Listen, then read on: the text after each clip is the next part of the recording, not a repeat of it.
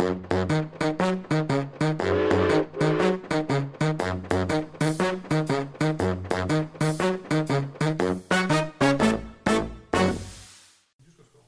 jeg gleden av å ønske alle lytterne hjertelig velkommen tilbake til eh, podkasten Ekspedert, som vi sender her fra Narvik museum. Vi skal gå litt eh, på gatelangs og ei vandring i byen i dag. Og, til å hjelpe oss med det, så har vi jo Eli Gurneliussen i eh, studio. Velkommen til oss, Eli. Tusen takk. Hyggelig å få komme hit til dere. Ja, det er en ære å ha deg i studio. Eh, vi sitter jo nå i eh, Administrasjonsveien 3 på Berget. Et staselig bygg som museet har holdt til i i mange år. Tidligere NSB sin distriktssjef som holdt til her. Kan du si litt om det her bygget og arkitekturen? Ja, det er jo ei utrolig fin tomt det ligger på. Midt på byens uh, høyeste punkt, med utsikt mot hav og jernbane. Så det har nok NSB plukka fra høyeste hylle. Og de har bygd da et statsbygg for sin tidsalder, som var ferdig her i 1902. Jeg kaller det nå for et klassisistisk bygg, men det er nå sånn historiske eh, etterapninger som var moderne på den tida. Og det er jo forseggjort med teggelstein som jeg nettopp har lært kom fra Kjellebotn. Det var jo veldig artig. Ja, det, var en teglsteinsfabrikk uh, utafor den gamle skolen i Kjellbotn som produserte de steinene som det her bygges fasade er lekt med. Så jeg syns jo at dette er et, et bygg i Narvik som er representativ for en hel tidsalder, og som har en verdighet. Så jeg håper at man kan eh, ta vare på det på en ordentlig måte. For det vitner om den tida da Narvik starta. Absolutt. Det blir nok antagelig litt av min oppgave det som avdelingsleder her på, på museet å ta vare på dette bygget. Det er jo en praktfull beliggenhet når man kan se utover kan vi si, i hjertet av uh, Narviks opprinnelige, nemlig havna og jernbanen som kommer fra Kiruna. Eh, du har, din, eh, har jobba i Narvik kommune, og av yrke så kan man kalle deg for Ja, da jeg begynte i Narvik kommune, så heter det reguleringsarkitekt. Det vil si at jeg har jobba i kommunen med planlegging primært.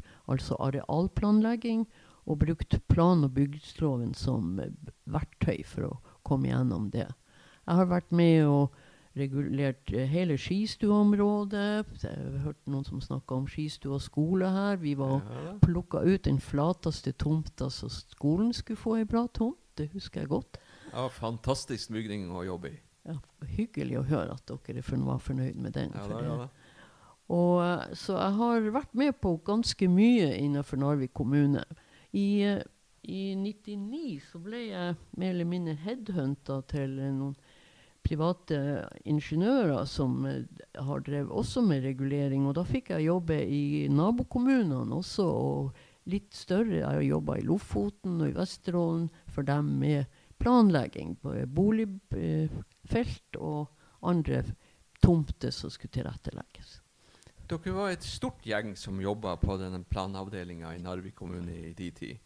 Ja, vi var et, det var veldig artig en periode. Det vi kalte oss for områdeutvikling. Det var da man slutta å hete avdeling, eller da skulle vi hete område.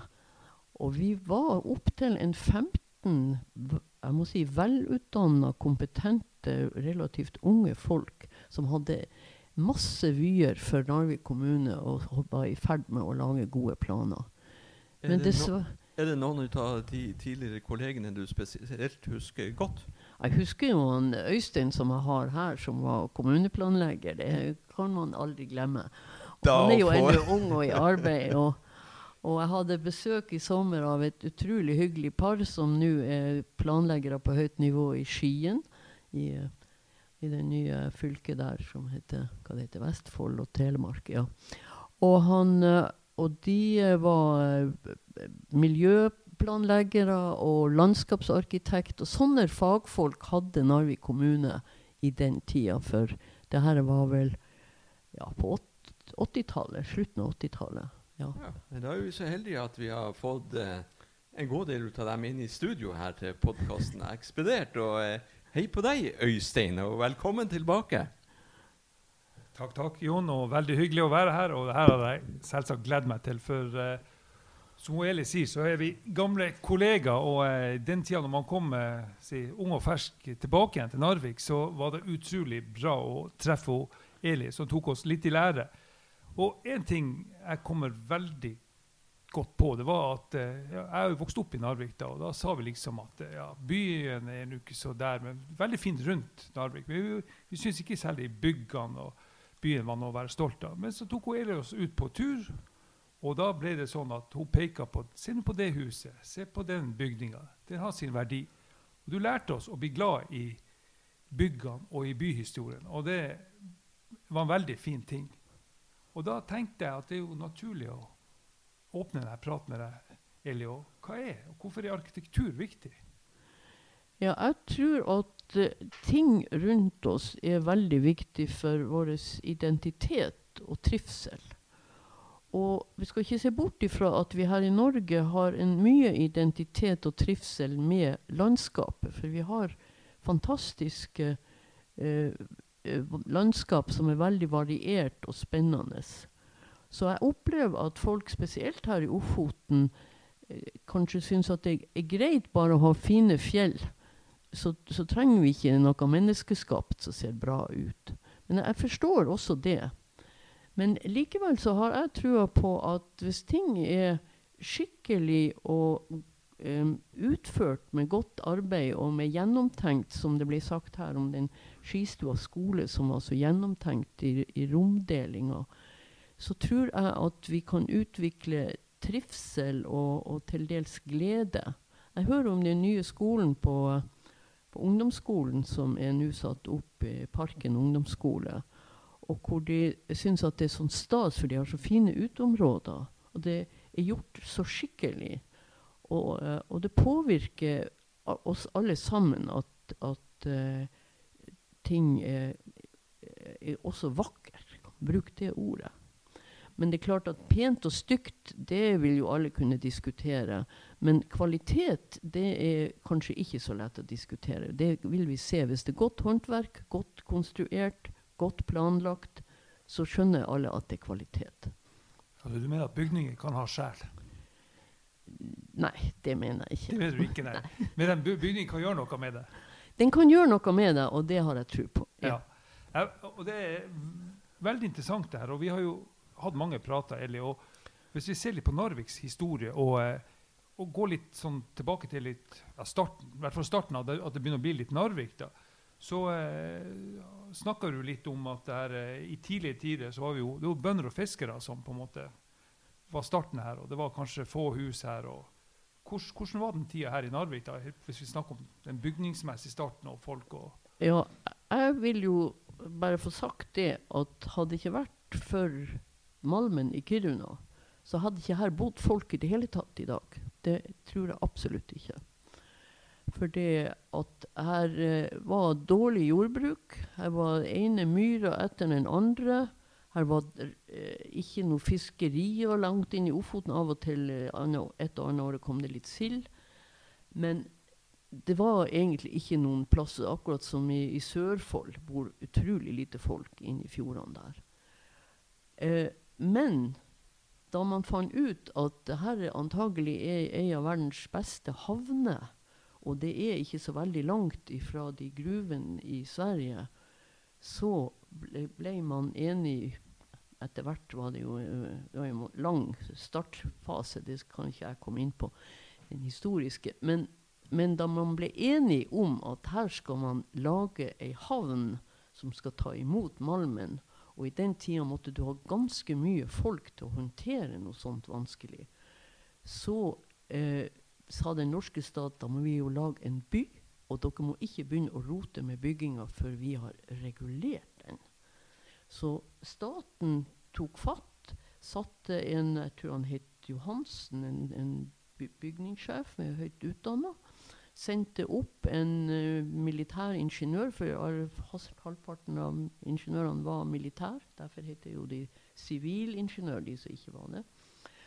Og, og han Widerøe han målte opp hele byen, og så laga de ei skisse og et utkast. og en reguleringsplan. Og så sa de når den er vedtatt, den ble vedtatt i, i, hos staten, i departementet, uh, i 1900, og så sa de nå kan dere begynne å bygge. Og så bygde de en by på to-tre år, var det ikke det? Så var det plass til 5000 mennesker. Det er så fantastisk når du leser om det.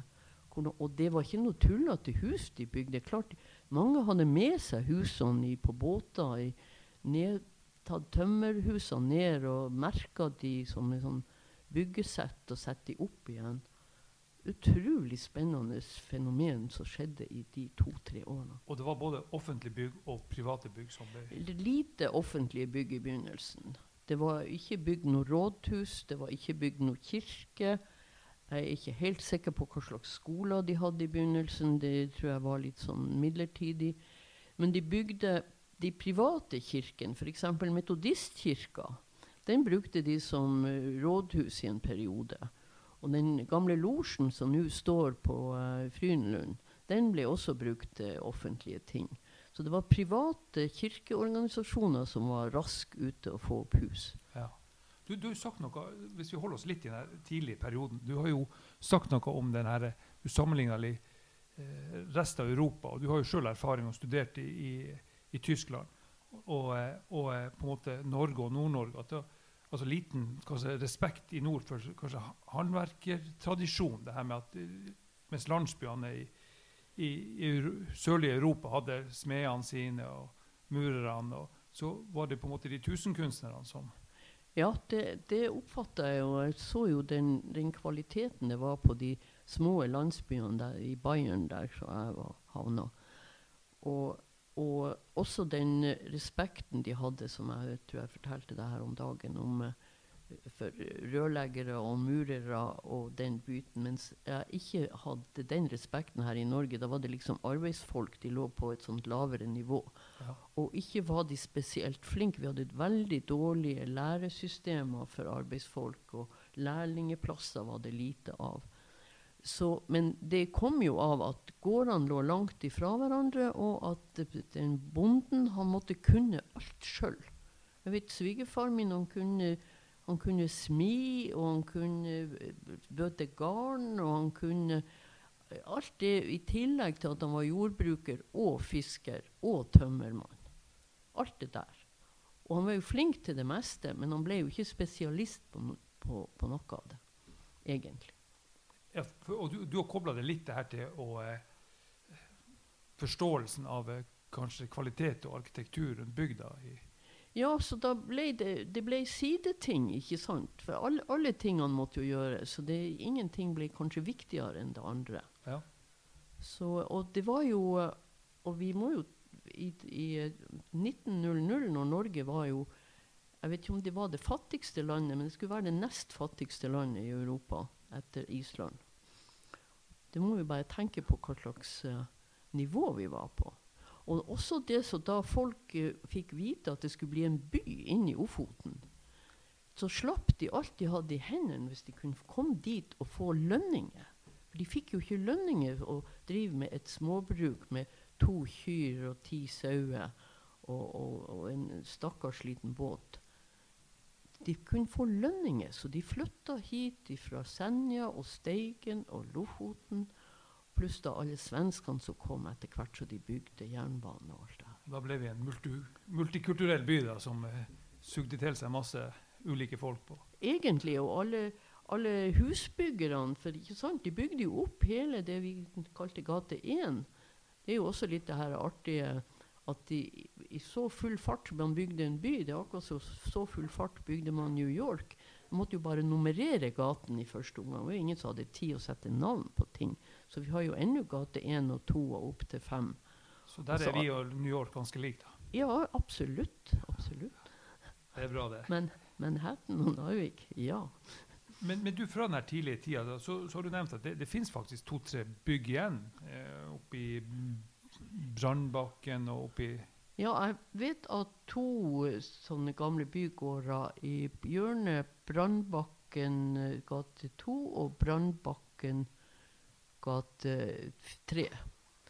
Det, der er, og det er sånne gårder som eh, ligger mot krysset. Og de er kutta av i hjørnene. Det var laga i denne reguleringsplanen at uh, for sikkerheten i hjørnet skulle ikke bygget bygges ut helt i gata, så du kunne, ja. kunne, se forbi. Så det er litt elegant å se. Du får et sånt kutta hjørne. Så, så de er og der er jo flere hus i byen som er fra den perioden. Det er det jo På Frydenlundsida er det tre-fire. Og, og de blir tatt vare på? Vel. Både òg. Både òg. Da jeg begynte her og, og så, eh, På et stadium så fikk, jeg, fikk, vi en kollega som var opprinnelig svensk, han Mats Risberg. Husker du han? Har du truffet han? Det klarer jeg helt å Nei, plassere. Gjør ingenting. Men vi ble enige om at hvis vi ikke nå alle husene skal forsvinne fra den gamle tida, så må vi prøve å lage noen lover rundt dem. Så vi sa at nå skal vi ta og regulere gamle hus som ikke er bygd om. Er de nå bygd om, så får de nå bare fortsette med det. Så han Mats han for ut og telte gamle hus. Dessverre var han uh, veldig ikke-religiøs. Han nekta å telle kirke. Men det var, det var jo 13 gamle kirker i byen på den tida, av, av alle sortene. Men vi telte private hus og LKB-husene og alt sammen. Og så la vi det frem for politikerne. Og, og, så kjørte vi det på høring. Og alle de som av de Jeg tror vi telte en 52 hus, noe sånt. Så alle de som ville være med på å bli regulert verneverdig av, av de som eide de, de fikk laga vi en, pl en, plan for å verne uh, etter plan- og bygningsloven. For det er annen verning av, uh, som er fredning av hus. Det er jo staten som gjør, og der har de fire elementer i Narvik, hvis vi ikke har snakka om det før. Og det, er, og det er jo uh, egentlig bygg opp mot jernbanen. Det er jo vogn, den her vognstall, Lokstall 1. Ja. Og så er det det vanntårnet på Katterått. Og så er der oppe et, uh, et bygg på, på, Bjørnfjell som jeg er litt usikker på hva det er for et. Ja. Og det er litt artig å nevne det, for da, da, er vi jo inne på det med industribygg og jernbanebygg. Og det har du òg brent litt for Ja, jeg, jeg jo, var jo en av de som uh, eh, laga litt bråk da de skulle rive det her fantastiske uh, utskippingsanlegget som heter D-Mag. Ja det var jo en, en enorm konstruksjon som uh, jeg, jeg, ikke greier å skjønne at de skulle fjerne fra denne jord. Med 22 meter høye betongsøyler av aller beste kvalitet. De sa nei, de kan ry sund. Hallo! De var stanger med hjullaster og alt. Gikk ikke sund. Det var da bygd i, på 50-tallet, 54, tror jeg. Og så ville de rive de i sånn rundt 90 95, jeg husker ikke. Og så hadde du òg et steinhus bortpå Ja, steinhuset det var jo også inne på, uh, på bolaget, altså på LKAB sin uh, driftsgård.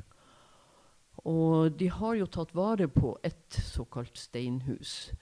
For eh, som jeg leste meg til her om dagen, at egentlig all bygging opprinnelig, hvis man tenker på det, er egentlig to måter å gjøre det på. Det er enten at du stabler ting oppå en annen, altså helst stein, eller etter hvert teglstein, eller i Norge tømmerstokker.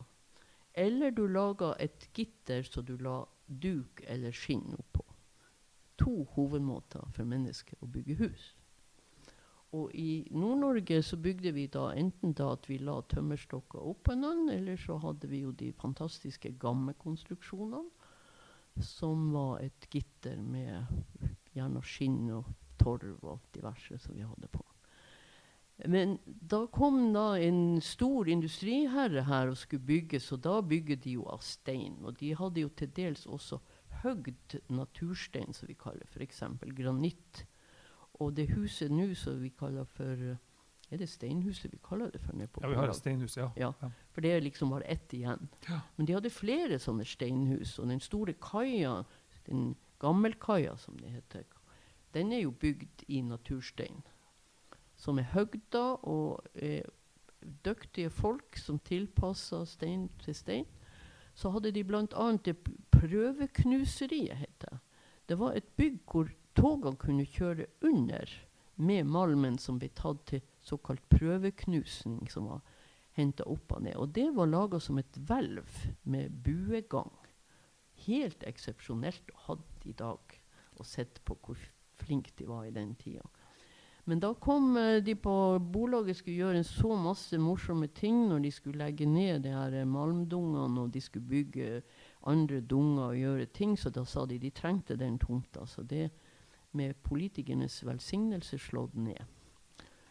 Interessant. Vi kommer tilbake til de politikerne. Og, eh, du har jo nevnt at, at eh, det er jo staten, kommunen, NSB, eh, LKAB som, som på en måte er de som har tomten her i Ja, opprinnelig var det en, en også syns fra mitt ståsted en, en flott tanke da de sa vi skal ikke bygge en ny by. Jaha, da kommer vel alle de her eh, som skal tjene seg penger på eiendom, og det skal vi ikke ha noe ut av. Vi skal sikre eiendommene her. Så de kjøpte opp det som gikk an å kjøpe. Så staten kjøpte halve halvøya, det som er da eh, Frydenlunds Framnes-sida. Så kjøpte NSB storparten av det som er Oscarsborg-sida, og LKAB eh, var Nordre Oscarsborg og inn mot Rombakken. Og hadde eget selskap som het AS Taraldsvik etter hvert. Og de tre var, uh, var ikke for at de skulle sitte og holde på arealene. Jeg har jo jobba da med regulering, og det har vært veldig enkelt. De har sagt ja, hvis det er regulert av kommunen, politisk vedtatt, vær så god, vi kjøper arealene til dere får kjøpe arealene til takstpris. Men for å hindre spekulanter, da. Altså. Det var for å hindre spekulanter. Hvor bra. Og, og i det her perioden 1905 så, og fremover mot 20-tallet og inn mot 30-tallet, så skjer det mye. Men rundt 1930 så stopper opp. Det blir dårlige tider. Ja. Og da er det på en måte lite byggeaktivitet og lite Ja. som skjer. Ja da, det var jo eh, i hele Nord-Europa, vil jeg tro. Da, var, da gjorde jo eh, statene ikke noe annet enn å ruste. Ikke akkurat Norge rusta jo ikke opp eh, med våpen, men ellers så, så var det lavkonjunktur og, og dårlige tider. 30-tallet, og du hadde en store krakke i 29 over hele verden som hadde sitt ors- opprinnelse i statene, og, Og nådde oss også. ja, så Jeg det- vet, jeg hadde, Moren min hadde en onkel som var sånn såkalt spekulant og bodde i Oslo. og Han tok livet av seg i 29. Han Uff, ja. mista hele formuen. Ja, det er jo Så interessant hvor verdenshistorien også påvirker Ja. utviklinga i, i denne byen. Så Ja, ikke sant? Ja. Og nå skiper vi noe utrolig med malm. Jeg sier ikke mer. nei, ikke ulikt. Ikke ulikt. Men hvis vi nå røkker noen år frem til, så kommer krigen. Og vi skal ikke bruke mye tid på den, men, men i krigen så eh, ble jo store deler av byen bomba og brant. Men ikke alt. Nei, jo store deler Det er klart det var viktige deler av byen, og det bodde mye folk. Må huske på hvor tett folk bodde. Jeg vet jo om, om eh, fire-fem familier i det som du regner som eneboliger i dag. Det var ikke uvanlig. Og de hadde mange unger og besteforeldre. og hva det var, og Ei som sa hun bodde i en sånn villa med Der var de 17 mennesker der. Og, og, og det var sånn at uh, det var mange folk som ble berørt. Ja. Det var tolv av de her bykvartalene som da hadde nummer i den tida, og som ble brann i på, eh, på eh, Oscarsborg-sida. Og så var det fire eller, jeg, fire eller fem kvartaler på Frynlund som brant. Men det sto jo eh, Det brant fra torget og ned mot sjøen, de tolv kvartalene. Men eh, nord for torget så sto jo gammel trehusbebyggelse, ærverdige bygårder med butikker i første etasjen, og Kapitolgården og Nordvikgården og hva de heter. Da jobba du i Narvik kommune. Nei, jeg var akkurat drevet Kapitolgården da jeg kom, så den har jeg bare hørt om og sett Ja. bilder av. Det som da var blitt et rådhus, var også en sånn sveitserstilbygg fra Og det var også revet. Var borte masse før jeg kom. Jeg kom i 77. Så tidlig 70-tall, da. Så hvorfor, hvorfor skjer det her? Ja, man ø, vil modernisere, og så ø, har man ikke sans for, for gamle, upraktiske hus, oppfatta man det etter at Man hadde jo nå funnet opp husmorvinduet og elektriske dører og mye sånn gøy. Og de her gamle husene eh, å holde på å bygge om, det vil man jo fremdeles ikke. Man har jo store aversjoner mot å bygge om hus til mo moderne, sånn som dere har tenkt her med det flotte, gamle kontorbygget som har vært en leilighet på toppen. Dere vil jo bygge det om til et hensiktsmessig museum med det skallet utpå de fine vinduene. Og det er jo veldig hensiktsmessig hvis man får til det. Du hadde jo en, I denne sammenheng hadde du egentlig en sånn jeg vet ikke om vi kaller det en fin historie, men i hvert fall en historie om Norvikgården, det som ble sentrumsgården. Ja, Norvikgården ja, den, den, den, opplevde jeg jo. Og den, jeg jobba jo i det bygget som heter brannstasjonen, og den er jo ikke akkurat noe sånn kvalitetsbygg. Det vet jeg jo fra byggehistoria også, men det er en annen sak. Men så sto der et utrolig ærverdig eh, trebygg, sånn som byen var bygd opp da, de her byggene fra 1901 og rundt hvor det var butikker i første etasje, og så var det boliger i andre, og noen hadde tredje etasje og loftsetasje. Dessverre var den Nordvik-gården Jeg tror de var, eh, eierne var gått bort, og det var ikke sånn ordentlig eierskap. Det er jeg ikke sikker på. Men, og, eh, så det bodde ingen, og den, det sto tomt, og det hadde ikke vært malt på masser av år. Og så ble vi enige og snakka også Da hadde de ganske kompetente folk på, uh, hos fylkesmann, fylkeskonservator. Og vi snakka om det her at de ville få tilskudd til å sette det i stand hvis de begynte. Så kom en sånn morsom gründer som var her i den tida, en som heter Viggo Varberg Larsen, som mange husker. Og han ville bygge hus. Han, men han hadde tatt kontakt med et kompetent arkitektfirma i Bodø og de kom med ei tegning hvor du hadde da pussa opp Nordvikgården, og så hadde du bygd et bygg ved siden av. For det var ei ganske stor tomt han Varberg hadde sikra seg. Men eh, da det ble lagt frem for formannskapet og eh, bygningsråd osv., så, videre, så sa de herre, det skal, dette er Narvik sentrum. Vi skal ha seks etasjer moderne hus.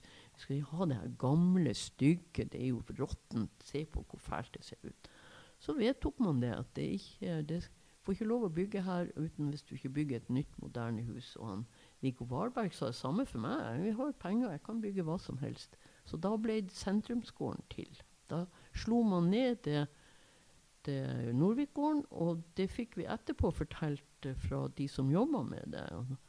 De hadde slått det ned med maskiner og sa det var ikke én råtten bjelke i det huset.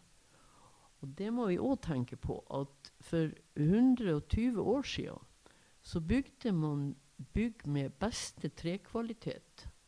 Jeg bor jo i et hus med vinduer fra i, i 1910. De er like solide karmer på de som uh, noe som du får kjøpt i dag. Det, det var, de tok den beste veden til vinduer og til bygg. Ja, Det er trist, og man må jo håpe og tro at det kommer selvsagt litt uvitenhet, men om det var andre grunner, så man kan jo bare gjette på hvorfor rivingstrangen var så stor. Men eh, før vi nå går videre på 60-70-tallet, så tror jeg vi må si litt om brente steders regulering. Hva var det for noe? Ja, det var jo en veldig spesiell norsk greie. For uh, i 40 så klarte jo tyskerne å brenne ned mange byer i Norge, ikke bare her i Narvik. Det var jo bare en bit, men de bare brente ned Namsos. Bodø glemte jeg. Bodø, Namsos, uh, Steinkjer, Molde. Ja, det er nå det jeg kommer på i farta. Og, og uh, da sa de vi må jo få bygd opp det her. Det er, jo, det er jo masse folk som tilhører de her byene. De ble jo evakuert rundt på, på landet. Så uh, da sa staten det her må vi gjøre på en ordentlig måte. Og så satte de ned et eget uh, reguleringskontor i Oslo. Og det er jo blitt uglesett, for det var jo i 42 det skjedde med ei ikke-vennlig regjering, egentlig. Men det var vanlige fagfolk, altså arkitekter i Norge, som fikk jobbe med det. Og de laga reguleringsplaner for alle de byene. Ganske detaljerte greier med den byggeskikken som var kommet under krigen og etter krigen. Veldig nøkternt, uten pynt på noen ting. Og, men ganske skikkelige bygg. Og vi har da eh, hele rekka i Kongens gate, gate 1, og hele rekka i gate 2, altså de kvartalene som brann, var underlagt denne reguleringa. Og noe er jo blitt bygd om underveis, men vi har i nød klart å beholde det, for veldig mye folk, og særlig min generasjon, de syns det her er stygge hus. Fordi at de er ganske nøktern i sin, sine detaljer. Men hvis vi ser på de, så var det du sa om å gå rundt i byen og se, så ser vi at det var ikke billige hus. Det var brukt eh, med kopperplater rundt vinduene. Du går inn i denne Kolflotgården og finner flotte trapper med messinggelender og greier.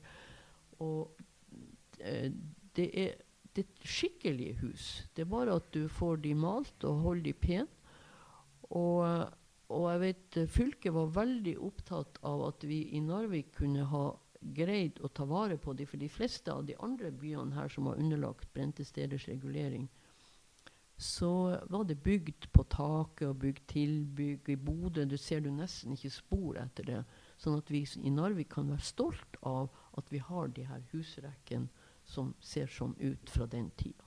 Jeg er veldig opptatt av at vi kan se hvor, hvordan en by er blitt til ved at vi kjenner igjen hustypene og stilene som var aktuelle på gjeldende tidspunkt. Når du sier du setter meg tilbake til den byvandringa du tok meg med på for mange år siden, så når du står på Frydenlundsbrua og ser nettopp de her byggene så, med, på begge sidene av, Ja. eh, av gate 1, da, så, så er det jo eh, veldig flott laga til og veldig sånn, planmessig rett alt. Ja, og det var veldig skikkelig, og de hadde jo også torget med i det her, som er jo blitt er jo, eh, er jo en veldig flott plass i Narvik at vi har et sånt torgpunkt som er, som er sentrumet vårt, med da den statuen som kom etter krigen, med fred og frihet-symbolene. Og denne tida rett etterpå så, så var Narvik full av arkitekter, ganske anerkjente arkitekter. Ja, de kom jo da, og det opplevde jeg jo i Finnmark òg, for jeg bodde jo der en stund, eh, at arkitektene strømma jo nordover, for her var det jo ødelagt. Finnmark var jo totalt nedbrent og måtte bygges opp igjen. Og, også da Narvik. Så da jeg kom da i 77 hit, jeg tror det var en 11-12 arkitekter i byen som da var begynt å gå av med pensjon og bli, hørte til de gamle gutter. Det var jo menn alt sammen. Ja, ja. Nei, det var det ikke. Vi hadde jo Else Torp Larsen. Jøss. Mam mammaen hennes Marte, så du hadde Ja. Nei, Hanne, som du hadde utfor her. Jøss. Hvor bra. Ja, så, så, så da var det mye aktivitet. Og du nevnte litt av de her nasjonale mm, hjelpetiltakene også i byen. Altså Lånekassa og Husbanken som viktige pådrivere til at vanlige folk eh, også fikk bygge seg hus. Og, Ja, jeg tror ikke vi hadde fått Norge på føttene igjen hvis vi ikke hadde lån Lånekassa, det ene, for oss vanlige folk som fikk lov å bli noen ting, og, og Husbanken som hjalp folk å bygge egne boliger.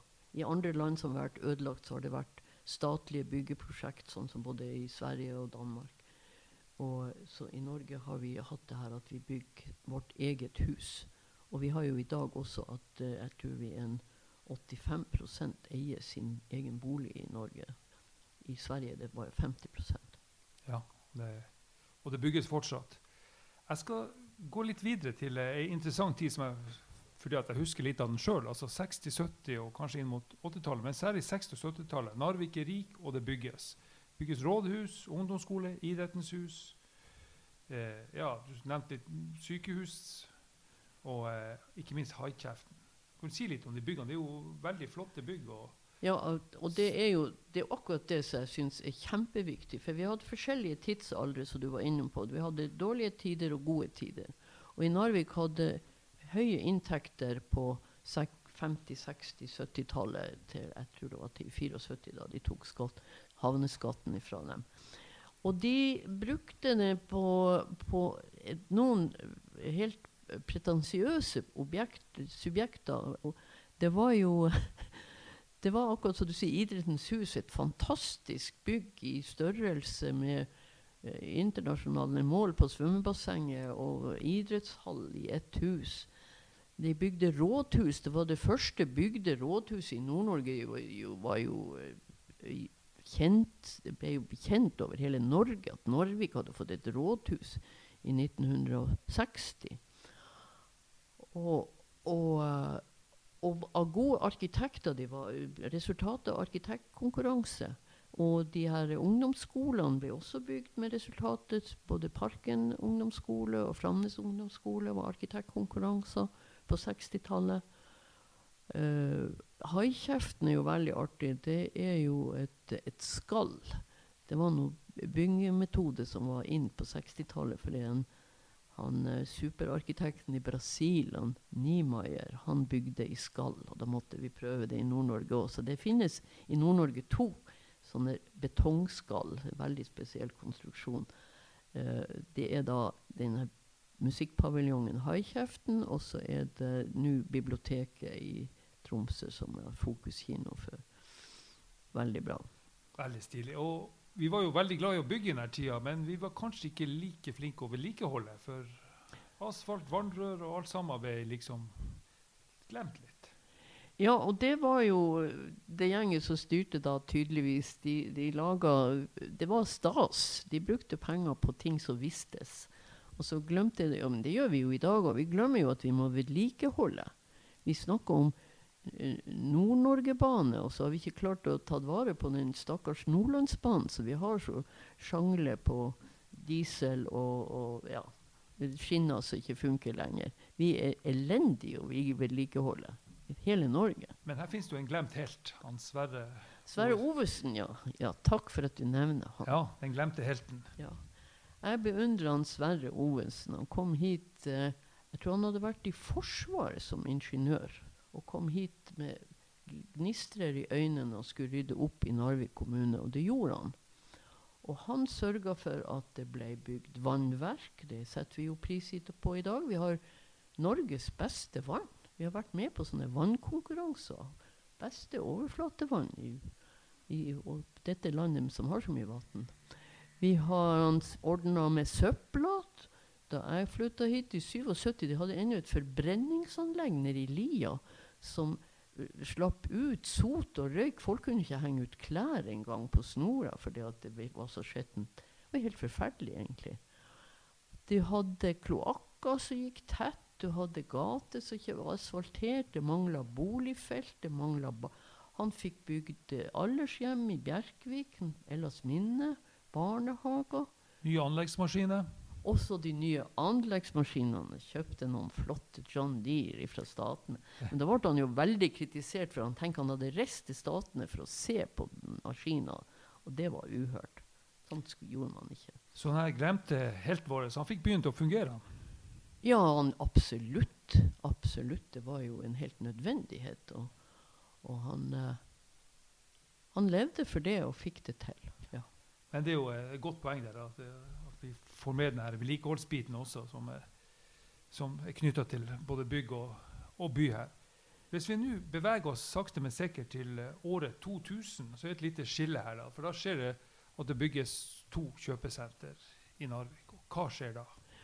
Ja, Det positive med kjøpesenter i Narvik i forhold til andre byer, det er jo at de lokaliserte de kjøpesentrene inne i sentrum av byen. For de hadde ledig tomt. Det var litt artig det der med det Demag-området. Det er jo et jeg husker ikke kvadratmeterstørrelse, men det er jo et enormt område der det opprinnelig var lagra malm i dagen. En million tonn jernmalm lå og, og flaug utover byen i den tida. Og så når de har fått det i hus, så var det en ledig plass. Ganske store tomter. Da sa politikerne der skal vi ikke ha noe publikum og ingenting. Vi skal ha industri. Vi skal ha industri i Narvik. Vi må ha noe å leve av. Og så kom det en uh, investor. Og han var veldig interessant. De heter jo Amfif. Jeg tror han har 16 sånne i Norge. Det er sikkert ikke han som eier det i dag, men da var han til stede på ett møte. Han var en en liten grå eh, sunnmøring fra Surnadal Selvsagt. som, som investerte i kjøpesenter rundt om i Norge. Ingen som visste hvem han var. Men, eh, eh, og, men det var jo også et par av de lokale guttene som sto for det her. og så De fikk ett kjøpesenter da på det Demag-området og ett på den gamle tomta som hadde vært busstasjon. Så, sånn at vi har kjøpesentrene i byen, det er en positiv ting. For det opplever jo andre byer, som så Bodø og Trondheim og Molde vet jeg plages veldig fordi at kjøpesentrene er fem km utafor, og alle drar dit og handler, og byen dør ut. For byene, hvis man går sånn historisk på det, så er handel en utrolig viktig del av det å samles. Folk samles rundt handel. Men hva skjedde med gate 1 og gate 2 da? når Ja, kjøpesenteret for da når kjøpesentrene kom, så hadde jo alle trodd at det kom en masse nye butikker. Men det var ikke det som skjedde. Det var jo at alle de som hadde butikker fra før, flytta over i kjøpesentrene, så de fikk være på én plass. Det gunstige er jo også at det er fint å gå i gata i kjøpesenteret om vinteren også, når det er sne og is ute osv. Men eh, da sto det tomme lokaler igjen i hele gate 2 i dag. Det er bare servicelokaler, det er ikke butikker i det hele tatt. Det er advokater, frisører og den type tjenester. Og så flytta eh, advokatene og frisørene ut av andre etasjen, så det måtte de omregulere til boliger. Men i hele gate 2, som der er masse boliger i dag, er det ingen lekeplasser. Ingen grøntområder. Det er nesten ingen parkeringsplasser. Private alt, bilene står ute i gata. Så det der er skjedd litt sånn over hodet på, på systemet, etter min mening. Det burde vært mer gjennomtenkt da man gjorde det. Men uh, Og, og det var et sånt tidsskille det var et 2000 skikkelig tidsskille. Og det var også da at da flytta en god del av eh, det ble, eh, Andre etasjer og tredje etasjer ble bygd om til leiligheter. Og det var veldig populært for den generasjonen som jeg tilhører. Eh, pensjonistene de syntes det var veldig greit å flytte ut av de her eneboligene sine og flytte i leiligheter. Og så kom ungdommen og overtok eneboligene. Så det var en haug av sånn boligfeltbygging som stoppa opp da. For det at det ble metta i en periode med, med det bygningsmassen som var til stede. Og det var jo for så vidt veldig gunstig, for å se det på den måten. Men byen som by Jeg skal ikke si at han er ødelagt, men han mista mye av sin kvalitet. Det der å, å ha gater med butikker, det har vi lite av i dag. Vi har butikkene inne i hus. Og hvis du går frem til i dag, da, som du er inne på, hvem er de store pådriverne i dag eh, som bygger ut i dag her i området? I, da jeg kom hit, så var det eh, helt vanlig i mange kommuner, ikke i alle, i Arbeiderpartikommunene, at kommunene tilrettela boligfeltene.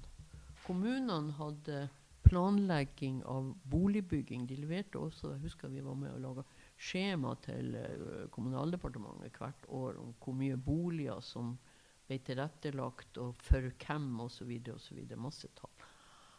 Og, men eh, etter hvert så er det blitt en privat virksomhet. Så i dag skjer det kun gjennom private gründere, entreprenører og de, de tilretteleggerne eh, som kaller seg utviklere. Ja. Ja. Og det er I Narvik har vi vel vært heldige at det er en del private firmaer i, i byen, men det er også eh, landsomfattende eh, bedrifter som eh, planlegger boligfelt, kjøper opp tomter og får da kompetente eh, konsulenter til å planlegge. Og så blir det godkjent da i kommunene. Kommunene har, kommunestyrene i hver kommune har egentlig all fullmakt til å si sånn vil vi ha det, og sånn vil vi ikke ha det. Bare de bruker den. Og Eli, vi kunne jo ha snakka i timevis om veldig mye interessant her. Og jeg skulle gjerne ha spurt deg også om flytting av Kiruna og eh, den her vi var inne på. hva er dukke litt inn pent og stygt-diskusjonene. og- Men du har vært inne på veldig mye av sånn viktige elementer og betydninger så- av eh, by- og byplanlegging og arkitekturhistorie i Narvik. Og jeg skal bare avslutte med et spørsmål. Hva er det du brenner for akkurat nå i, eh, i forhold til Narvik og byen? og by, Er det noen hus? Er det noen Jeg, jeg syns det er veldig flott at det er mye entusiasme rundt dette fjellet. Men jeg syns det er utrolig trasig at de skal ødelegge det friområdet som Fagernesfjellet er, som en sånn kulisse til byen.